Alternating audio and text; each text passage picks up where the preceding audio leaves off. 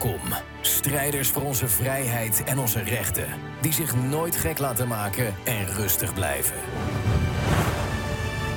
Dit is de Jensen Show. Robert Jensen.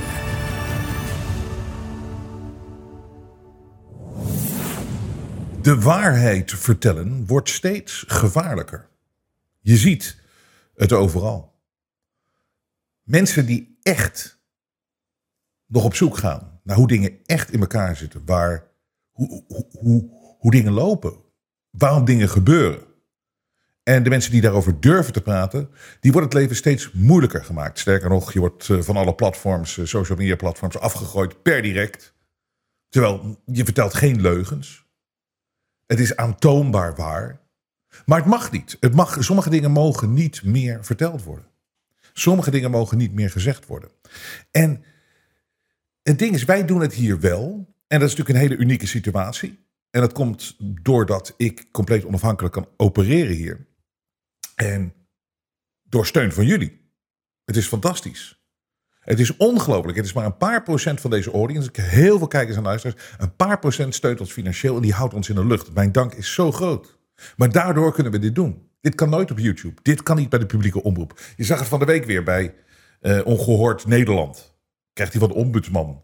Gaat, gaat, gaat de publieke omroep die gaat uh, actie ondernemen. Die gaat maatregelen nemen. Omdat er geen hoor-wederhoor is gepleegd. Terwijl, nou, ik heb me daar gisteren al helemaal over uh, kwaad gemaakt. Maar de waarheid is zo En de leugens die verteld worden zijn zo groot. En het zijn er zoveel. En het is allemaal zo belachelijk. Dat ik nu al zeven dagen me heel erg bezighoud. Met nog een keer erin te duiken. Van hoe kan het dat mensen het niet zien? Hoe kan het dat als je daadwerkelijk aantoonbaar met feiten, als je daadwerkelijk de mensen meeneemt en, en, en, en, en met de neus op de feiten drukt, dat ze nog steeds kwaad worden op je. En dat ze nog steeds zeggen: je liegt. Hoe kan het? Hoe kan het? En ik, ik, ga daar vandaag heel diep in. Ik ga daar heel diep in. En ik open even met een e-mail van iemand die daar daadwerkelijk uh, het sluit aan bij waar ik naartoe ga vandaag. En nogmaals, we gaan vrij diep. Maar de, de, de essentiële vraag is van hoe heeft dit kunnen gebeuren? Wat is er aan de hand? Wat is er nou echt aan de hand dat er zoveel gelogen wordt? En de leugen wordt verteld als een waarheid en het verandert allemaal dingen. En mensen staan gewoon glashard te liegen. Eh, eh, een van de een goed voorbeeld vandaag is natuurlijk weer klap voor land- en tuinbouw groot. Stikstofplannen kabinet bekend. Mes hard in veestapel. Met andere woorden, dit is gewoon het, het, einde van de boeren. En het staat hier, hier in, voor 2030 moet uh, tot 2030 zoals gevolg van de maatregelen ingezet worden op flinke afname van de veestapel. Daar zijn we weer. Het is agenda 2030 van de Verenigde Naties. Het is gewoon het einde van de boeren. Het wordt hier letterlijk gezet, gezegd. Het zal echt ervoor zorgen dat sommige, het eerlijke verhaal is daarbij ook, dat niet alle boeren door kunnen met hun onderneming. En ook niet altijd op de manier zoals iemand nu boert. Boeren is het meest, een van de meest natuurlijke dingen wat je kan doen. En het is ook belangrijk voor een samenleving, voor een maatschappij. Kijk naar de geschiedenis. En er wordt hier gewoon gezegd, uh, ze moeten stoppen. Moet je nagaan, er wordt gezegd. Stel nou dat het niet de boerenbusiness zou zijn geweest, maar gewoon een, een, dat je een taxi uh, rijdt.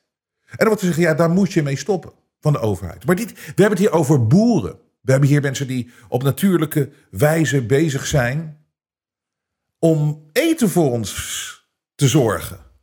En dat gebeurt gewoon in ons land. En er wordt gezegd dat je moet ermee stoppen voor 2030. Dat is dus overduidelijk dat het de agenda is. Maar wat natuurlijk het, het, het, belachelijke is, de leugen. De reden dat ze vertellen dat het moet.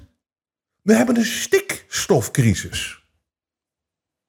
Dit is zo overduidelijk een leugen. Er, is niks aan de hand. En een stikstofcrisis. Het is echt zo, wij in Nederland hebben een stikstofcrisis. En dat moet dan allemaal voor 2030 opgelost zijn. Wij in stikstofcrisis. Ga je de grens over naar België, is er niks aan de hand.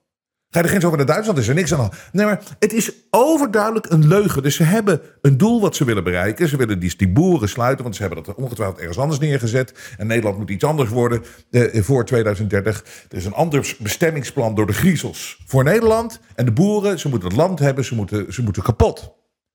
En dan verzinnen ze een stikstofcrisis.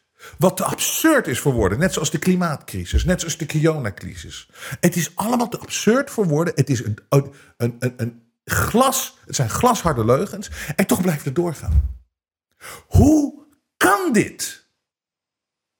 Hoe kan dit? Hoe kan het dat er komt eh, na, na die corona-nonsens met die vaccins. We hebben allemaal, weten nu allemaal dat het niet werkt. We weten nu allemaal hoe het echte, echte verhaal is. Maar hoe kunnen mensen nog steeds zo zijn dat als ze dan weer komen met een apenpokken, dat in Canada er weer gevaccineerd wordt? Bonjour, vous vaccin? Now that I got my um, my shot done, uh, uh, I'm, I feel pretty safe, well safer, uh, confident that I'm doing my part to in this fight against monkeypox. Though I still have to wait a few days, well, seven to ten days before my immunity system is up for battle. But uh, yeah, I feel good. Hoe, hoe kunnen mensen zo zijn? Hoe kunnen mensen zo zijn? Nou, je ziet, en hoe kunnen ook mensen zijn, want dit is het mysterie, dat als je dit aantoont en je vertelt de waarheid en je wil daadwerkelijk mensen helpen, dat ze kwaad worden en ze willen met je op de vuist. Maar meestal zijn het slemielen, dus dat lukt niet. Maar ze, kunnen, ze doen zeker hun best om je eh, eh, mond dood te maken. En het liefst gooien ze ook nog in de bak. En als je zoals Willem Engel gearresteerd wordt met een complete opruiing, dan lachen mensen hem uit en vinden het fantastisch. Terwijl die gast alleen maar probeert uit te leggen hoe dingen zitten. Wat is er met die mensen gebeurd? Hoe kan dit? Hoe heeft dit kunnen plaatsvinden? Ik denk dat ik antwoorden heb. Maar hoe kan dit? Mensen zeggen, kijk nou hoe goed we het nog hebben. Hoe kan dit? Hoe kan dit gebeurd zijn in Nederland?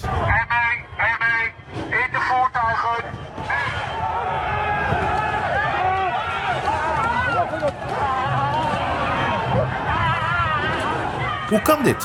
Hoe kan dit? Hoe kan dit? Dit zijn mensen die de straat op gingen, compleet eh, recht van de mens. Maar ook hebben ze nog echt daadwerkelijk eh, de waarheid aan hun kant staan. Het virus is niet zo gevaarlijk. Grondrechten worden afgenomen. En dit, je kan ook mensen vinden zoals die ME. En die kunnen wel zeggen, wat ik doe mijn baan. Maar dat, dat gaat niet op.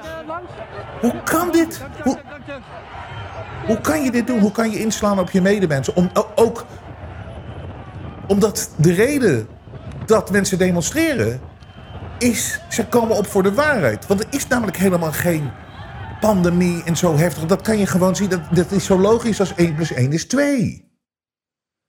En hoe kunnen mensen zo tegen elkaar opgezet worden dan? En hoe kunnen dan, die, hoe kunnen dan zoveel mensen zeggen van... Nou, het is terecht dat ze in elkaar geslagen worden. Ze moeten gewoon thuis gaan zitten en ze moeten gewoon... Dan, dan want het virus is daar, we moeten gewoon ons aan de regeltjes houden.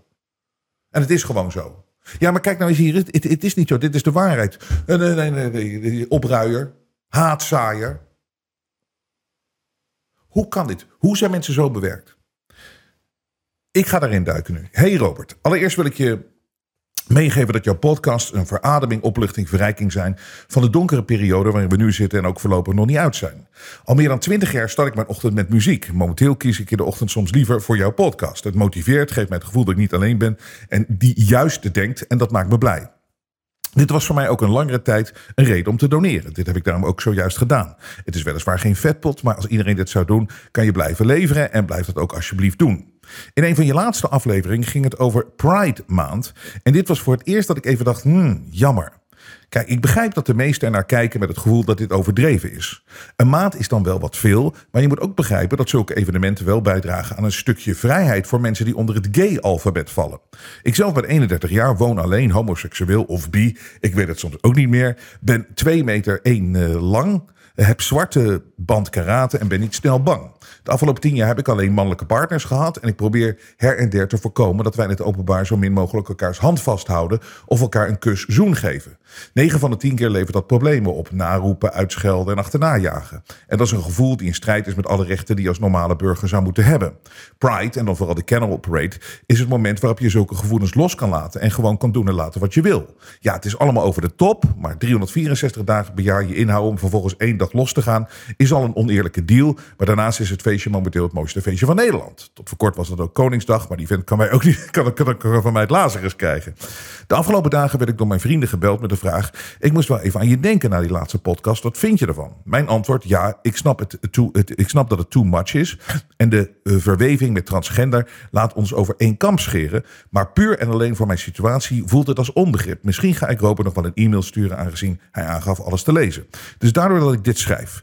Desalniettemin verandert dit niets op mijn kijk naar jou als persoon of het programma. Ik kan om je grappen hard lachen, ook om de anti-gay grapjes. Want ik kan objectief genoeg naar zulke situaties kijken. En ik lig zelf er ook plat om. Want ik, ik, ik, ik weet, je bent geen homohater. Toch wilde ik je dit even meegeven. Het is voor personen als jij en die juist anders juist denken over alles wat er nu speelt al lastig genoeg. Als je dan ook nog door deze groep het gevoel krijgt dat je hier niet in begrepen wordt als gay zijnde, voelt het als een stap terug. Doe daarmee wat je wil. Het is slechts een opmerking over een onderdeel van je uitzending, maar die ik toch wel blijf beluisteren. Hartelijk goed en van een trouwe luisteraar, Roy. Roy, hartstikke bedankt voor je uh, eerlijke mail. Wat hier interessant voor mij is, is, is, aan deze mail. Tuurlijk, weet je, het is, ik heb helemaal geen probleem met homo's. Ik heb geen probleem met transgenders. Ik zeg het honderdduizend keer. Uh, je, ik denk dat iedereen met een klein beetje gevoel precies weet dat ik er zo in zit. En dat dat, dat, dat, dat, dat het punt niet is. Het punt is als volgt. Dat het is weer zo'n grote leugen. Dat als je een Pride maand, een maand lang, mensen overspoelt met regenboogvlaggen. Als je een jaar lang een, een kalender hebt van uh, gay, oma, oh, gay oomdag tot weet ik veel, allemaal termen die, die ik niet eens, ik begrijp ze niet eens. Dat iedere dag wat gevierd moet worden. En dat je overdonderd erdoor wordt. Ze doen het expres om maar één ding. Het is niet om die community te helpen. Het is juist het tegenovergestelde gebeurd. Het is elkaar sowieso verder uit elkaar spelen. Van de groep die zoiets zegt van ja prima, weet je, homo's maakt mij allemaal niet zoveel uit en dat soort dingen. En die wordt overspoeld met dingen dat je denkt, ja, kom op, nou ben je, ga je te ver, nou is het allemaal te veel. En uh, weet je wel, dit, uh, dit uh, het begint me te irriteren nu. Dat is een verdeeldheid. En je zegt, geeft het zelf ook al aan. Het feit dat zij al die lettertjes toevoegen aan dat alfabet. Want vroeger was het zeg maar gay en lesbian. Nou, prima. Maar wat ze gedaan hebben, is omdat daar een soort van ja, gelijkgestemdheid kwam. Of het was allemaal, het acceptatie was zo hoog er moet meer reuring komen tussen mensen. Dus wat doe je? In zo'n zeg uh, eh, LGTB uh, community of LGB community gooi je extra lettertjes, zodat opeens, en dat geef jij zelf ook aan. Jij bent, je valt op mannen, maar who cares? Weet je, ik, weet je wat, ik, ik, geef het geen label. Who cares wat je bent? En ik weet, dat, dat wil ik dan ook wel een punt maken we hebben allemaal, iedereen heeft tegenslag in zijn leven. Iedereen moet, moet tegen dingen vechten. Iedereen heeft het lastig. Want dit is namelijk ook de truc die ze uithalen. Ten eerste, allemaal dingen toevoegen. Dat binnen een community. Dat ook is. Ja, Jezus, nou word ik op één hoop gegooid met die trans. En ik word op één hoop gegooid met, met die groep. En ik word op één hoop. En weet jij veel wat ze doen om nog meer reuring te veroorzaken? Misschien gooien ze er straks pedo's ook tussen. Dat weet je. geloof me. En dat zeg ik niet dus jij zegt het nee, helemaal niet. Ze doen alles om de boel te verzieken en te verstoren. Het, het, het lijkt net of ze je willen helpen. En het lijkt net of het allemaal is opkomen voor de, middel, voor de, voor de, voor de zwakkeren en dat soort dingen. Het tegenovergestelde gebeurt. En daar kom ik straks ook op een eindconclusie. Hoop ik dat je zal zien dat dit exact is waar we in zitten. En waardoor we op een gegeven moment is iedereen ook verward en iedereen is kwaad op elkaar en niemand heeft meer wat met elkaar. En dat is alleen maar omdat zij zogenaamd een inclusieve community aan het bouwen zijn met de mensheid. Maar tegenovergestelde is, is, is waar. Ze geven iedereen labels en ze spelen iedereen uit elkaar.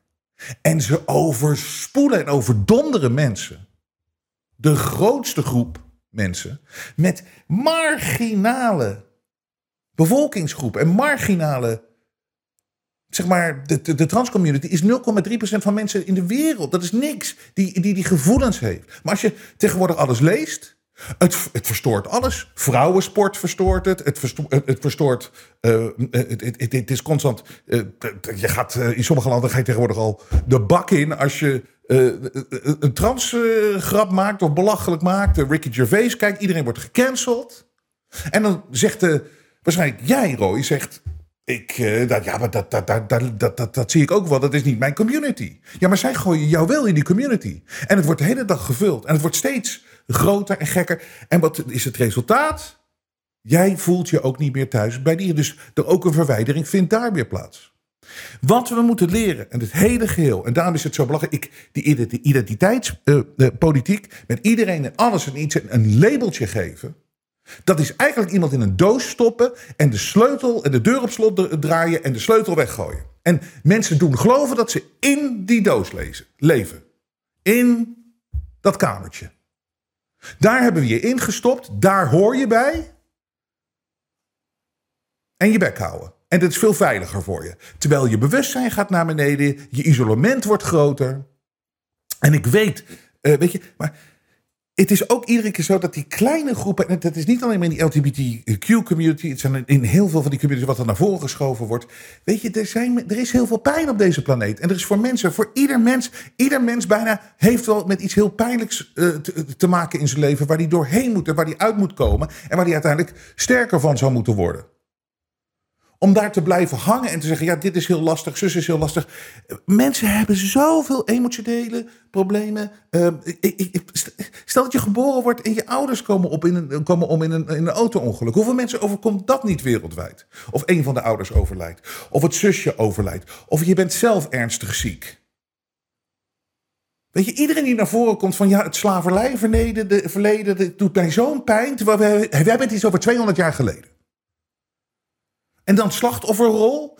Wat ze het voor elkaar krijgen, iedere keer weer, is dat iedereen wordt tegen elkaar opgezet. Die is niet tevreden, zus is niet tevreden en alles wordt vergroot en uitvergroot. En soms denken mensen als ze de aandacht dan krijgen, hè, dat ze dus even dus die uh, situatie eh, voor elkaar hebben. Dat ze gezien worden als een groep die beschermd is. En belangrijk beschermd. En je staat in de spotlight. Wat ik zo vaak in de showbiz heb gezien. Mensen die voelen zich, ah, de spotlight staat aan. En voelen zich even helemaal goed. Maar weet je, aan het eind van de dag pakken ze jou ook.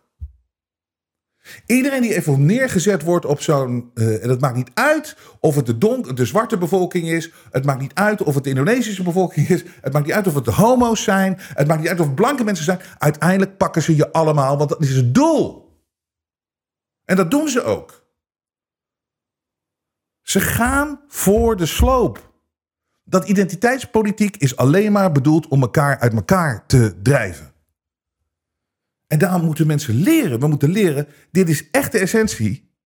We hebben gezien de afgelopen twee jaar wat, waar ze toe in staat zijn en hoe ver ze gaan. En ik ga net zo lang door met de show vandaag totdat ik mijn punt gemaakt heb. Tot ik helemaal uitge... uitge ik, heb, ik, ik ben hier nu al een week mee bezig. En ik ga het vertellen ook. Maar wat de essentie is, we zitten hier allemaal gezamenlijk in. We're all in this together. Moslims, uh, uh, Joden, uh, uh, blanke mensen, zwarte mensen, homo's, transseksuelen, maakt niet uit. We dienen die labels los te laten en te zien waar we hiermee te maken hebben. Wat, wat voor kwaad. En om het op jezelf constant te projecteren, dat, het is zo lastig, het is moeilijk. Het is, je, je loopt helemaal in hun val. En om je aan te laten praten, dat je het zo zwaar hebt en dat je het zo moeilijk... Tuurlijk heb je het zwaar. Het mensleven is niet makkelijk. Maar het is ook heel mooi. Maar iedereen heeft zijn battles. En iedereen die, die, die wijst naar iemand anders en denkt van jij hebt het zo makkelijk, want kijk eens hoe moeilijk ik het heb, heeft geen idee wat die andere persoon meemaakt. Dit is ook weer de psychologische truc. Denken dat iemand anders het beter heeft dan jij. Weet je wat het is? we're all in this together. En zeker nu. En die labeling is gewoon een vorm van psychologische oorlogsvoering. En daarover gesproken. Want hoe krijgen ze het nou allemaal voor elkaar? Hoe krijgen ze het nou voor elkaar dat we nu zo zitten in, in, in een wereld waar we, waar we in zitten? Dat de waarheid, de omgekeerde waarheidswereld.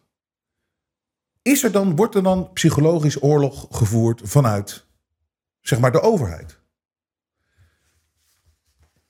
Dit is een artikel van John Whitehead. Staat allemaal op jensen.nl. Dit zijn allemaal lange artikelen, maar het is belangrijk. Alles is een wapen. De Amerikaanse regering voert psychologische oorlogsvoering tegen de natie. Nou denk je natuurlijk van, oh, dat zou wel, uh, dat zou wel een complottheorie zijn. Een complottheorie. Die psychologische oorlogsvoering. Maar kijk, kijk nou wat er gebeurt. De leugens. Ik heb daar zo weer wat voorbeelden van. Het is niet te geloven. En ze zijn nu, ook in Amerika, zijn ze zover ze zijn zo arrogant geworden dat er is hier, dit is niet te geloven. De regering heeft zoveel vertrouwen in haar Orwelliaanse manipulatiebevoegdheden dat ze erover opschept.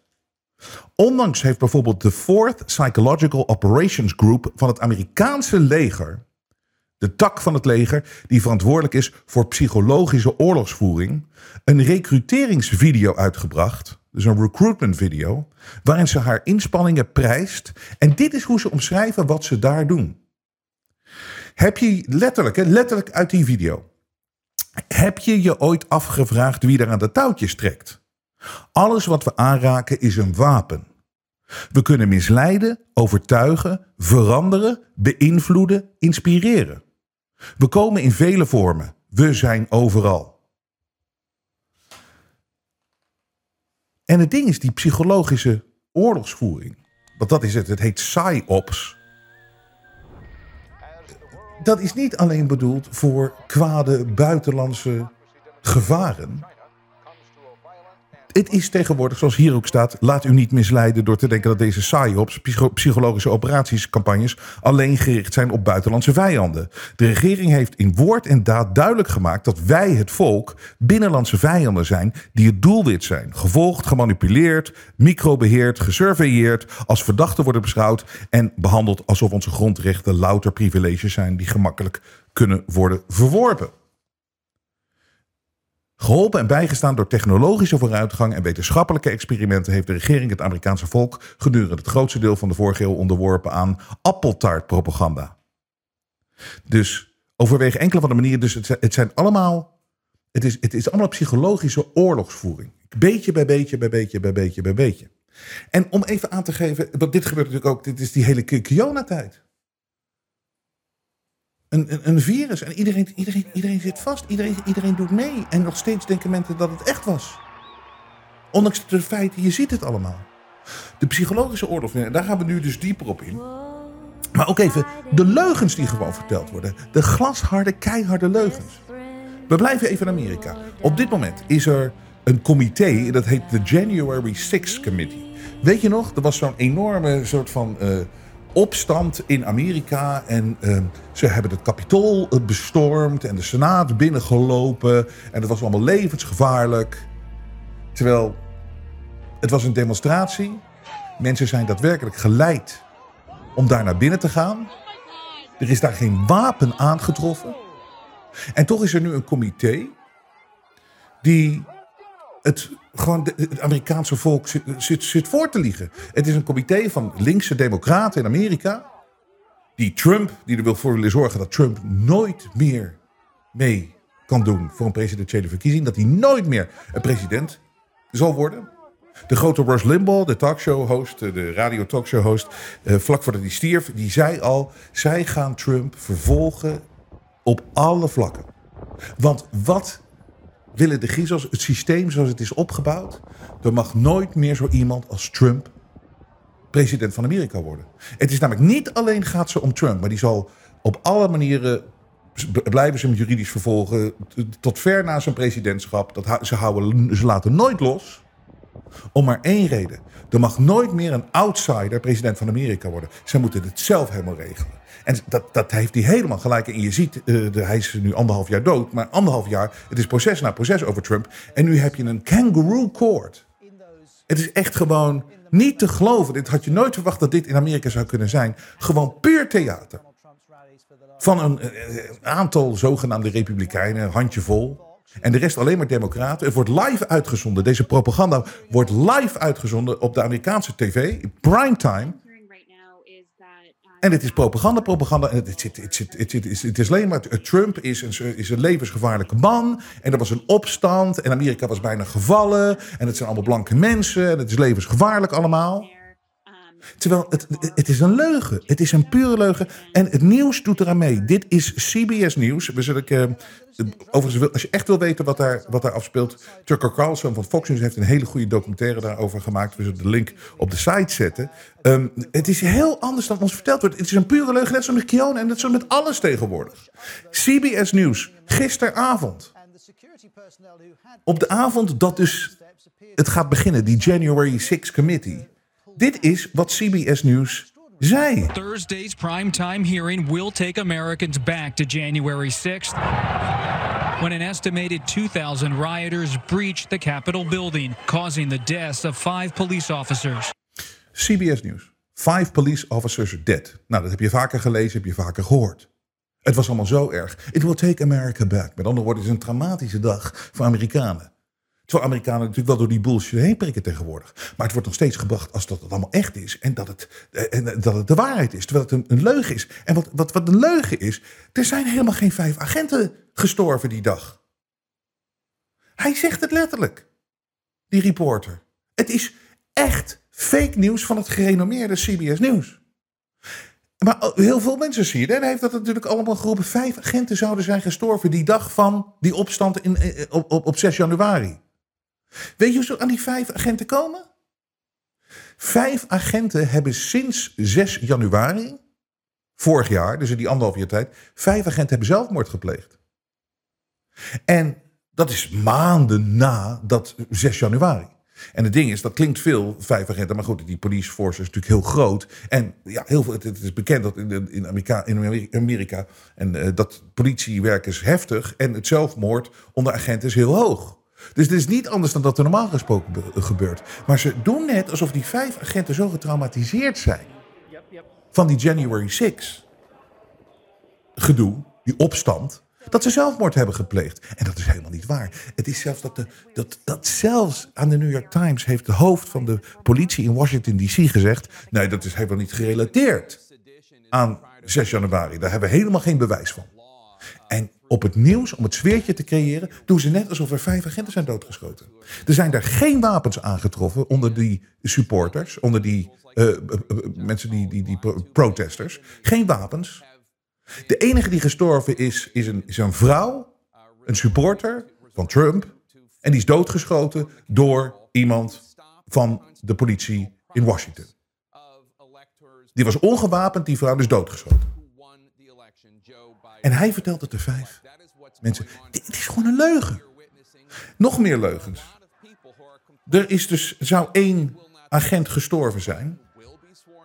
En dat, omdat hij met een brandblusser door die witte nationalisten in elkaar geslagen is. Moet je eens horen hoe al die nieuwsnetworks dit gebracht hebben, al die tijd. Officer Sicknick died after being hit in the head with a fire extinguisher.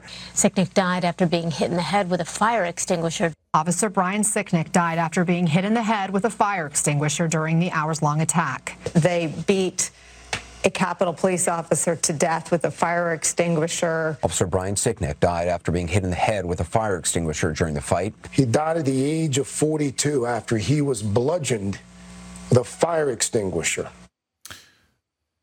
De waarheid is, de man is op 6 januari gestorven. Dat klopt inderdaad. Maar hij zat in zijn kantoor en hij kreeg een hersenbloeding. Helemaal niet gerelateerd aan wat er daar gebeurd is. Niks. Had, de, autopsierapport is hersenbloeding. Hij had helemaal geen verwondingen. En het is zo gebracht. Dus ze brengen dat naar buiten. Ze hebben een propagandamiddelen om het naar buiten te brengen. En het is leugen naar leugen naar leugen. En mensen geloven het. Mensen geloven erin. En waar stonden die mensen nou tegen te protesteren op 6 januari? Omdat Joe Biden 10 miljoen meer stemmen had dan Barack Obama. En dat Trump, die meer stemmen had zelf dan uh, vier jaar daarvoor, die is dus verslagen door Joe Biden, Sneele Biden, die zijn kelder niet uitgekomen is. En de, met de meeste stemmen voor welke president dan ooit. En by far. En de meeste van die stemmen vonden plaats, uh, die zijn binnengekomen na, na de verkiezingsavond. Ze zijn gestopt met tellen midden in de nacht. We hebben het hier zo vaak over gehad. Die, die verkiezing is gestolen. We zitten nu in zo'n wereld. En daarom is de waarheid zo gevaarlijk. Ze stelen die, al die verkiezingen. Want de juiste mensen moeten op die positie zitten. En zo iemand als Trump kan daar nooit meer zitten. Die, die, die, is op die manier uitgebonjourd. Of weggewerkt. Dat is de waarheid. Dat is wat er echt aan de gang is. En zo kan ik doorgaan, doorgaan, doorgaan, doorgaan, doorgaan. En het, het, het, het, corona-verhaal, het COVID-verhaal, is natuurlijk overduidelijk een psychologische operatie geweest. Het is duidelijk, want dat klopt feitelijk niet. Je kan iedereen kan je gewoon. Je kan, iedereen, je, je kan mij aanklagen, je kan me oppakken. Je kan, maar als je het over de feiten hebt van hoe erg was dit virus. En als je ziet wat ze gedaan hebben en wat, wat voor consequentie het dan heeft. Er is geen enkele relatie. Het is veel te heftig natuurlijk. En mensen geloven er nog steeds in. En mensen staan nog steeds oh, tegenover elkaar. Ik bedoel, heel veel mensen supporten mij als ik op straat ben. Maar er zijn ook mensen die willen met mij op de vuist. Dat heb ik meegemaakt. Ik heb het hier gedeeld met jullie. En waarom? Ik vertel alleen hoe het echt zit. Mensen willen het niet horen. En ik, ik, ik, ik, ik zit nu echt op dat gevoel en ik, ik, ik, ik zie het nu duidelijk. Ze moeten iedere keer een crisis creëren om het slechte in goede mensen naar boven te halen. Want mensen zijn helemaal niet zo. Mensen, eh, ik ben er nu wel van overtuigd, oké, okay, eh, eh, kuddedieren, de meeste. Of de meeste, heel veel, schapen. Maar het voordeel daaraan is, het enige wat een schaap nodig heeft, is goed leiderschap. Dus waar, moet het, waar gaat het iedere keer fout? Als mensen verward worden, als mensen psychologisch bespeeld worden, en gaan geloven in iets dat niet waar is. En daardoor hun gedrag gaan aanpassen. Want het is gewoon dat mensen, mensen zijn niet in staat. Er zijn heel veel mensen niet in staat om de waarheid te zien. En hoe dingen echt zijn. Ze blijven ontkennen. En dit is weer zo'n goed voorbeeld van die oude KGB-topman. Dat we vaak hebben uitgezonden. Maar dit was volgens mij eind jaren 80 of begin jaren 90. Het maakt niet zoveel uit, maar het is inmiddels wat meer dan 30, het is 30 jaar geleden. Hij werd geïnterviewd op de Amerikaanse tv. Hij was van Rusland. Hij was dus een, topman bij de KGB. Maar hij was naar de andere zijde gegaan. Hij was naar Amerika geëmigreerd. En hij zegt, ik, ik kwam erachter hoe ver Amerika al gevallen is in diezelfde dingen die in Rusland uh, uh, gebeurd zijn. En hij zei hoe het KGB, hoe het een zeg maar een, een Kremlin, bijna het draaiboek om een land te doen vallen. En dat gaat in vier stages. De eerste is uh, demoralization, dus demoraliseren. Het tweede daarna komt destabiliseren. Daarna komt crisis. Ik zal het nooit vergeten. Hij zei: It takes about uh, two weeks to get. Sorry, excuseer.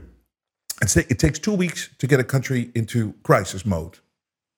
Ik dacht twee weken. En toen dacht ik opeens, ja, dit is precies gebeurd wat er met, met Kiona aan de hand is. Binnen, binnen, binnen, binnen een paar weken was iedereen in crisis. En de hele wereld stond op zijn kol. Het is zo makkelijk om te doen.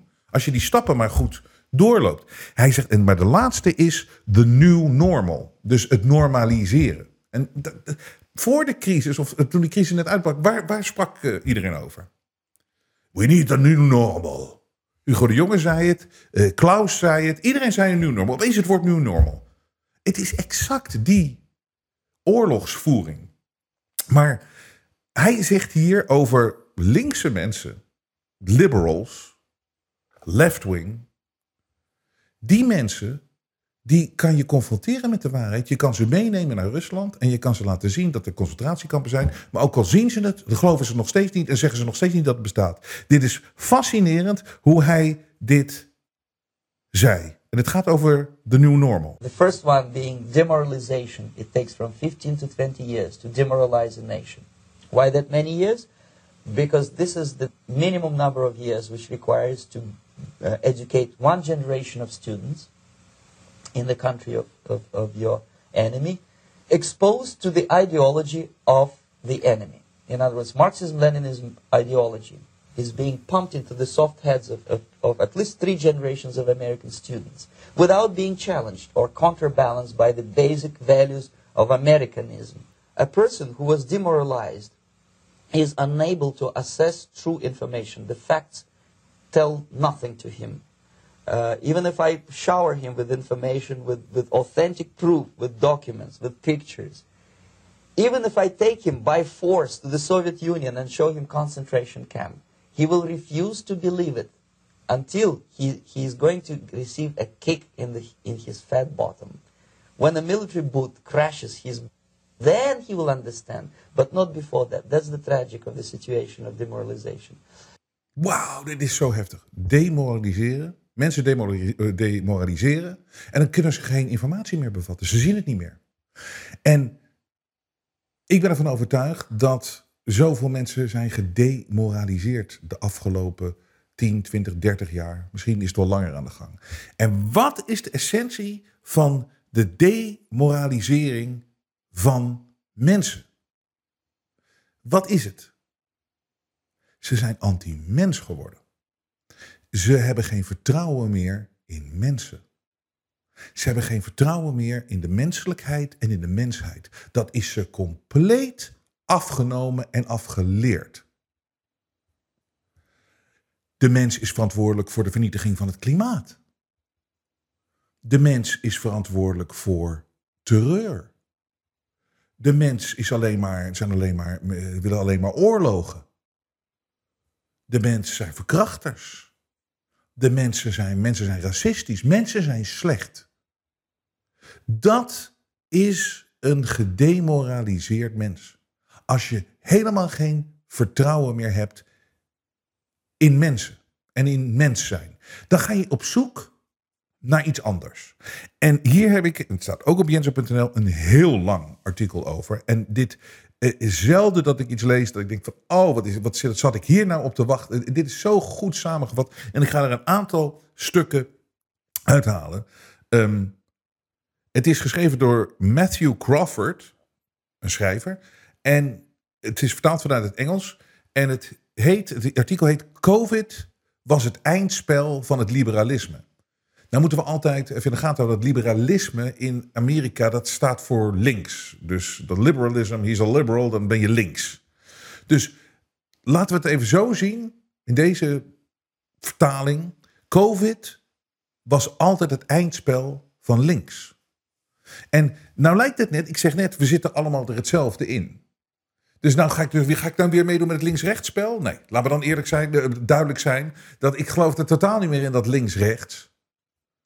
Ehm, het was zeker ook in het begin van de Kiona-tijd. eh, ja, het is, het is niet leuk om te horen. Maar ja, Baudet en Wilders stonden toch ook als eh, grote linkse baby. Stonden ze te roepen om een lockdown. Overheid, doe iets. Nou, dat is het tegenovergestelde van wat recht zou moeten zijn. Maar goed, Baudet heeft zich inderdaad goed hersteld. Wilders weet ik niet. Maar het, het ding is. Laten we even kijken het gevaar van links. Want daar ben ik wel van overtuigd. Het gevaar van links is enorm. Waarom? Omdat ze een hekel hebben aan mensen en alles is anti-mens. En ze geloven niet meer in het individualisme. Ze geloven niet meer in mensen. En daar gaat dit artikel over. Dus daar komt hij.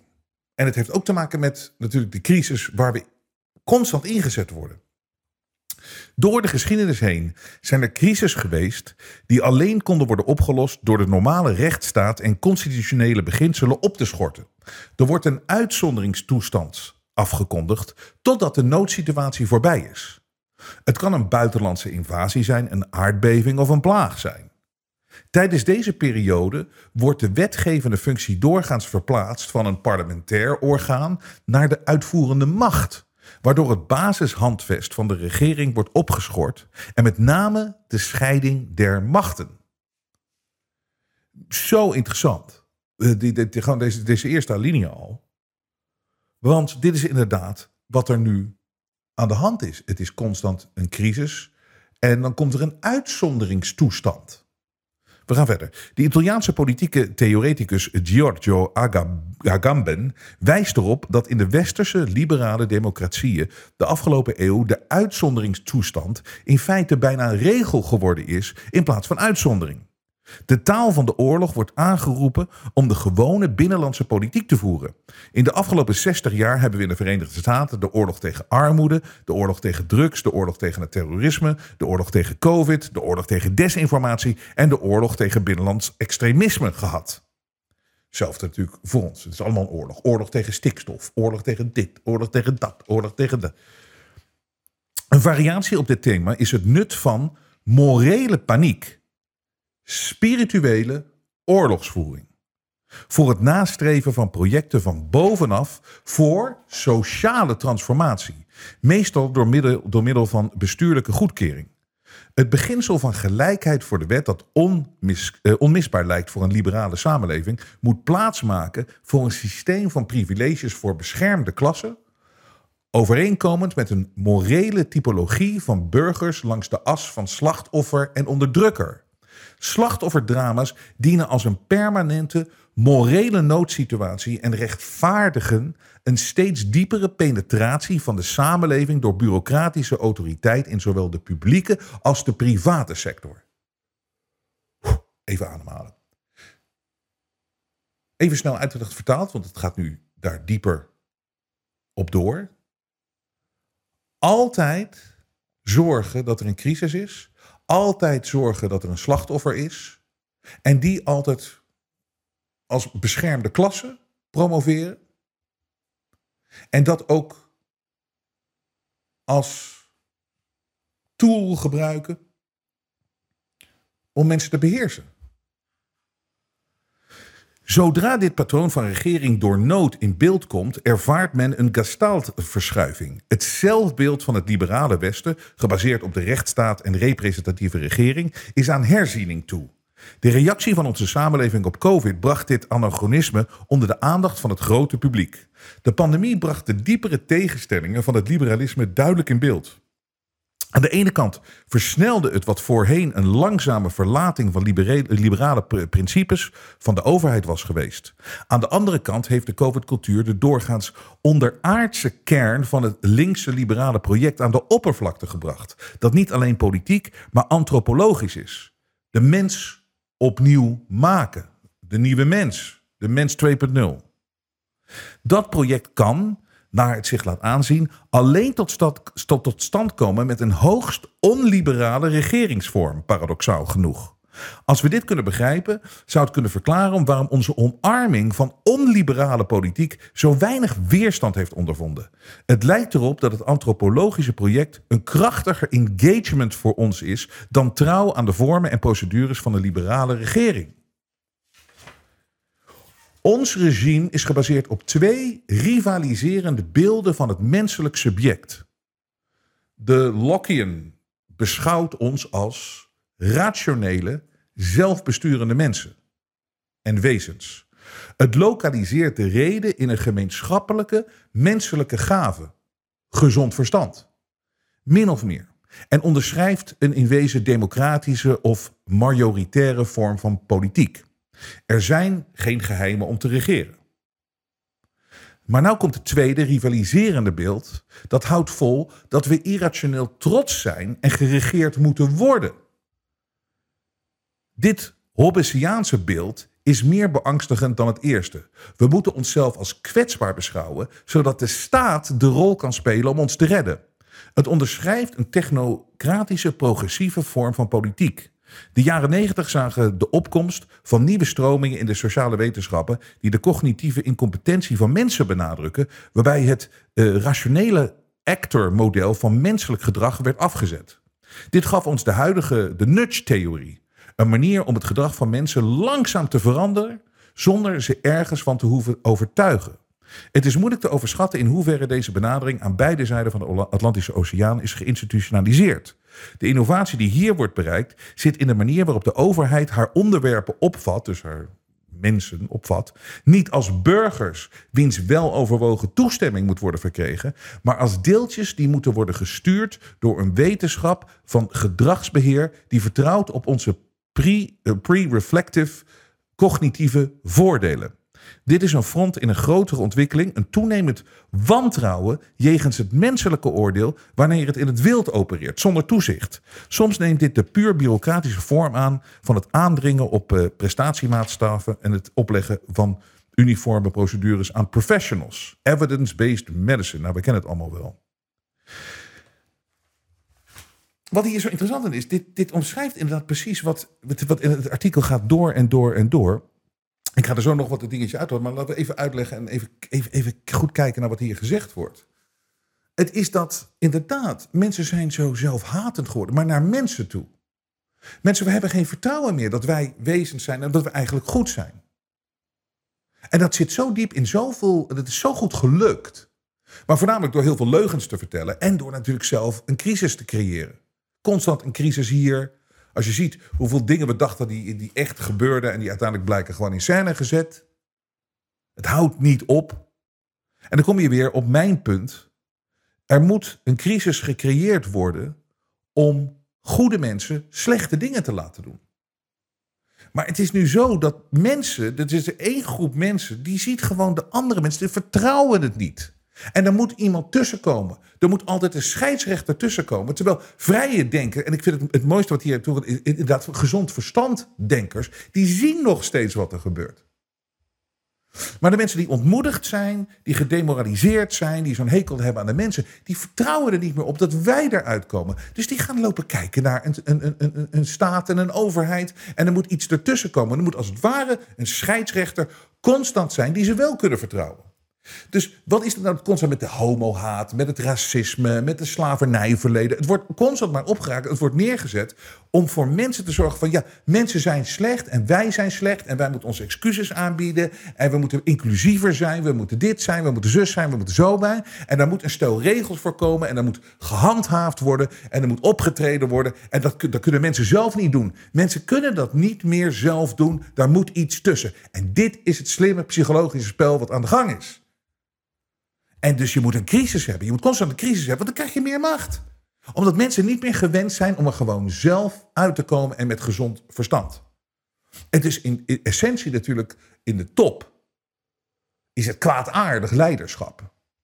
Maar het is op al die niveaus natuurlijk daaronder die de mensen niet uitvoeren. Het is slecht leiderschap.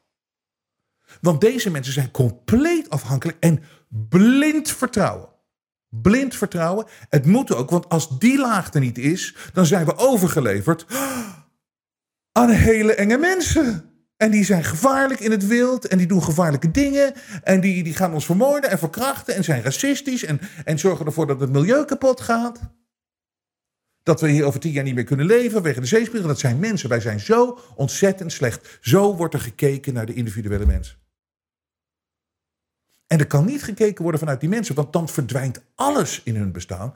Als die leiderschapslaag waar ze tegenop kijken, dat moet een integer ding zijn en dat moet zo zijn. Ook al is het bewijs het tegenovergestelde, ook al is het bewijs dat ze, dat ze avond, avond dag in dag uit staan te liegen, maakt niet uit. Want dat moet het zijn. Want als dat er niet is, is er niks meer.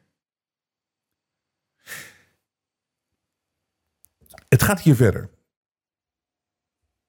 Hoe moeten we de dramatische verschillende reacties van onze samenleving op de Spaanse griep van een eeuw geleden en op COVID van vandaag begrijpen?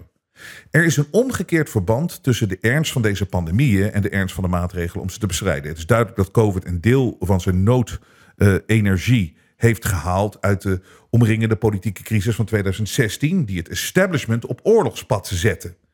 Maar het paste ook mooi in de meer algemene noodpolitiek, die de niet erkende kern is van technocratisch progressivisme. En die vandaag verder geworden is dan in 1918. Het is inderdaad het mooi dat hij aanhoudt in 2016, dus de verkiezing van Trump. Ja, die heeft de wereld echt veranderd. En mensen zijn in paniek geraakt. En mensen denken nog steeds. Uh, dus mensen zijn met, met, met, met leugens overspoeld tot, tot en met die January 6 committee nu toe. Maar ook daarvoor dat hij een Russische spion zou zijn. Uh, Trump, het is belachelijk. En nog steeds denken heel veel linkse mensen. Die zijn ervan overtuigd dat Trump het kwaad was. Dat hij nog steeds met Poetin in bed ligt. Het, het is niet te geloven. Die mensen geloven er nog steeds in. Want die geloven alles wat ze verteld wordt. Maar in 2016 is er dus een oorlogssituatie ontstaan in de wereld. Omdat er een man daar zat. En daar ben ik steeds meer van overtuigd. Ik bedoel, hij is zeker niet perfect.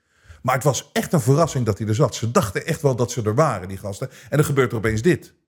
En ze hebben alles uit de kast moeten halen om dit te herstellen. Om ons weer op het plan te brengen waar we, eh, waar we nu zitten voor 2030. Met de chips, met de technologieën, met weet ik veel wat ze allemaal van blad zijn. Met de boeren allemaal weg. Er kan niet individualistisch meer gedacht worden. Er kan niet meer opgekomen worden voor een land. Het is globalisme, want dat is ook weer hetzelfde. Hè? Nederland, nee, we moeten niet aan onszelf denken. We moeten altijd aan iemand anders denken. Want dat is weer de slachtoffer, die hebben het slechter. In 2020 stemde een angstig publiek in met een buitengewone uitbreiding van deskundige jurisdictie over elk domein van het leven. En een overeenkomstige uh, overdracht van soevereiniteit van representatieve organen naar niet gekozen instanties in de uitvoerende macht van de regering. Het is berucht dat peilingen aangaven dat de perceptie van de risico's van COVID de realiteit met één tot twee orders van grootte overtrof. Maar met een scherpe uh, demarcatie. De honderdvoudige vertekening was onder zelfgeïdentificeerde liberale democraten. Dat wil zeggen, degene wiens tuinborden ons aanspoorden om geloven in de, in de wetenschap. Het verschil tussen, laat ik het dan niet links-rechts zetten, maar mensen die nog denken vanuit mensheid, mensen die nog vertrouwen hebben in de mensheid, mensen die ook zien dat mensen niet zo slecht zijn en dat, uh, dat mensen goed zijn en, en, en zeker een positieve kracht zijn voor je eigen ontwikkeling, voor de ontwikkeling om je heen, voor de maatschappij. Dat het allemaal, dat het allemaal in zit in de mens. Maar linkse mensen hebben dat totaal niet meer. Die zien een gevaar in mensen. Dus dan moet er een soort van technocratisch iets komen als de wetenschap. En dat moet het dan ook zijn. In plaats van gewoon gezond verstand te kijken, joh, wat is hier aan de hand? Dus inderdaad, die peilingen kwamen eruit dat ja, dat COVID wordt, wordt overschat. Ja, maar eh, onder linkse mensen was het gigantisch, de angst. Het is een. Het is een het, ik, ik, ik, zal, ik, dit staat op jensen.nl. We hebben het uh, vertaald. Maar ik, ik, ik sluit even af met dit. De schrijver zegt hier: Ik moet zeggen waar ik vandaan kom. Ik woon in de Bay Area, de diepste blauwe regio van het land. Met andere woorden, de, meest linkse stad eh, in Amerika, San Francisco. Ik reageer misschien op andere sociale feiten dan degene dan lezers observeren waar ze wonen. Op dit moment, in het voorjaar van 2022, schat ik dat een kwart van de mensen die in Berkeley, de University of de stad, de plaatsje Berkeley rondlopen, buiten gemaskerd zijn. Dus het is de meest linkse stad ter wereld. Bijna. Het is, het, is, het is voorjaar van 2022 en een kwart liep nog steeds met een masker op. En ik, ik, ik, ik zou dit graag willen bekijken. Want wat, wat, omdat ze niet de wetenschap volgen, zegt hij. Wat ze ook doen, het is niet de wetenschap volgen. Want we weten, we weten de feiten, die maskers werken niet. En ze doen het toch. Laten we erkennen dat veel van onze hygiëne-maximalisten handelen niet uit angst voor zichzelf, maar in de naam van het algemeen welzijn. En dat is aantrekkelijk. Zie je, het is een mooie term over, overigens, hygiëne-maximalisten. Weet je, iemand die alles moet hygiënisch zijn, alles moet de top hygiënisch zijn. Maar die is zo belangrijk. Zo, dat is echt waar. Ik, ik heb het ook wel eens gevraagd aan mensen met een mondkap, die nog steeds mondkap. Waarom doe je het? Ja, nee, het is toch respect voor anderen. En ik heb een, ik heb een moeder, een oude moeder en een oude oma en dit en zo. Het is altijd voor anderen.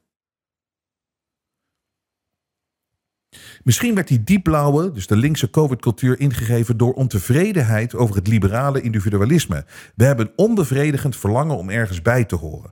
Maar alles dat ons uit de liberale denkwijze van rechten zou kunnen halen en ons zou kunnen herinneren aan plichten. De pandemie bood een kans om boven de egoïstische zorgen van de bourgeois uit te stijgen en een openhartigheid in zichzelf te ontdekken. Zero COVID is een heroïsche strijd om, om mee te doen, waarvoor een letterlijke uitwissing van het individu nodig is. Zoals in elke oorlog herkennen degenen die de oproep hebben beantwoord elkaar niet aan hun gezichten, maar aan hun in uniform. De, ja. Het is, het is, het is griezelig natuurlijk. Um, dat inderdaad mensen doen dit niet meer. Het is niet meer rationeel. Uh, de informatie komt ook niet meer aan. En ze krijgen iets uit. We doen het voor elkaar. En als we het niet met z'n allen doen. En als we niet met z'n allen hiervoor gaan en dat er nog individuele mensen zijn die er anders naar kijken en niet meedoen, die moeten meedoen. En desnoods moeten ze maar door de ME in elkaar geslagen worden. En dat is prima. En dan lachen we ze uit. Want we doen het met elkaar. Het is een veilige gevoel dat we volgen de technocraten, dan dat we individuen en dat we nog luisteren naar mensen. En dat we zelf onderzoek doen en dat we zelf iets tot ons nemen. Nee, het is allemaal buiten ons. En dat moeten we gewoon met z'n allen doen, want dat, daar ligt onze zekerheid. En daarom kan je ze ook niet laten zien als ze voorgelogen worden. Want als dat, dan is er niks meer. Dus om af te sluiten vandaag, het houdt me nogal bezig dit. Want ik wil weten, hoe kan dit nou? Hoe heeft het nou kunnen gebeuren? En wat is nou de oplossing? Nou, de oplossing is natuurlijk heel duidelijk. De mensen die het nog zien, de mensen die het doorhebben, de mensen met gezond verstand moeten moediger worden dan ooit tevoren. En wij moeten blijven de waarheid, ondanks het gelieg. En ondanks dat ze alles in werking zullen zetten om de waarheid te doen verdwijnen. Omdat het komt ze niet uit. En laten we eerlijk zijn, ze hebben zich crimineel gedragen. Moeten we het blijven uitstralen. We moeten ervoor blijven vechten. En je doet het namelijk voor het gezond verstand. En je doet het voor de mensheid. En je doet het voor het mens zijn. En als het er niet meer is, die waarheid, dan is het over. En ik wil nog eventjes één fragment van Yuri Besmenov uitzenden. Want al die mensen die denken dat ze zo goed bezig zijn, al die mensen, en die maar denken van als ik maar blijf vertrouwen op hè, in, die nepwereld, uh, in, in, in, in, in, in, dat ik andere mensen wantrouw en die laag, die technocratische laag, en dat is, dat is onze bescherming en dat moeten we volgen en de saaie. Luister naar Yuri Besmanov, wat er altijd met deze linkse mensen gebeurt. Your leftists in, in United States, all these professors and all these beautiful civil rights defenders, they are instrumental in the process of the, of the uh, uh, subversion only to destabilize the nation. When their job is completed, they are, not, they are not needed anymore. They know too much. Some of them, when, when they get disillusioned, when they see that Marxist-Leninists come to power, they, obviously they get offended. They think that they will come to power. That will never happen, of course. They will be lined up against the wall and shot. En hij er ook nog achteraan, dat is altijd wat er gebeurt. Ze worden tegen de muur gezet en klaar, jullie hebben het gedaan, jullie hebben het vuile werk gedaan. Dankjewel. Maar ze denken dat ze winnen. En ze denken dat ze dan het voor elkaar hebben, dit utopische. Zero COVID of alles is dan perfect, er is geen racisme meer. En dan worden deze mensen afgedankt. Laten we hopen dat het allemaal zover niet komt. En wij doen dit gewoon voor de mensheid en voor de menselijkheid, spiritualiteit. We vallen niet voor het spirituele terreur, want we zijn verliefd op de waarheid. De media toont zijn ware gezicht. Maar Robert Jensen buigt voor niemand. Steun het echte geluid via jensen.nl en wees onderdeel van de vooruitgang. Dit is onvergeeflijk en ik zal het nooit, nooit, nooit vergeten wat hier gebeurt.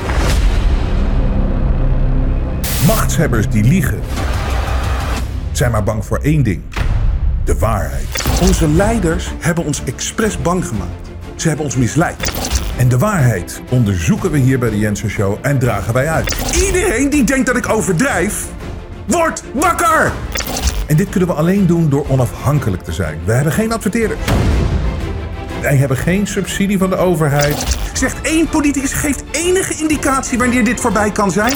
We hebben geen bemoeizuchtige zenderbazen boven ons met politieke agenda's. De media heeft zijn ware gezicht laten zien. Wij zijn echte onafhankelijke media. En dat kunnen we alleen blijven doen door steun van jullie. De waardering voor wat wij hier doen laat ik bij jullie. Als je klein wil steunen is dat perfect. Als je niet wil steunen is het ook goed. Als je groot kan steunen is het helemaal fantastisch. Maar het is wel de manier om ons in de lucht te houden. Zolang jullie waarderen wat ik hier aan het doen ben, blijf ik doorgaan. Ik geef nooit op.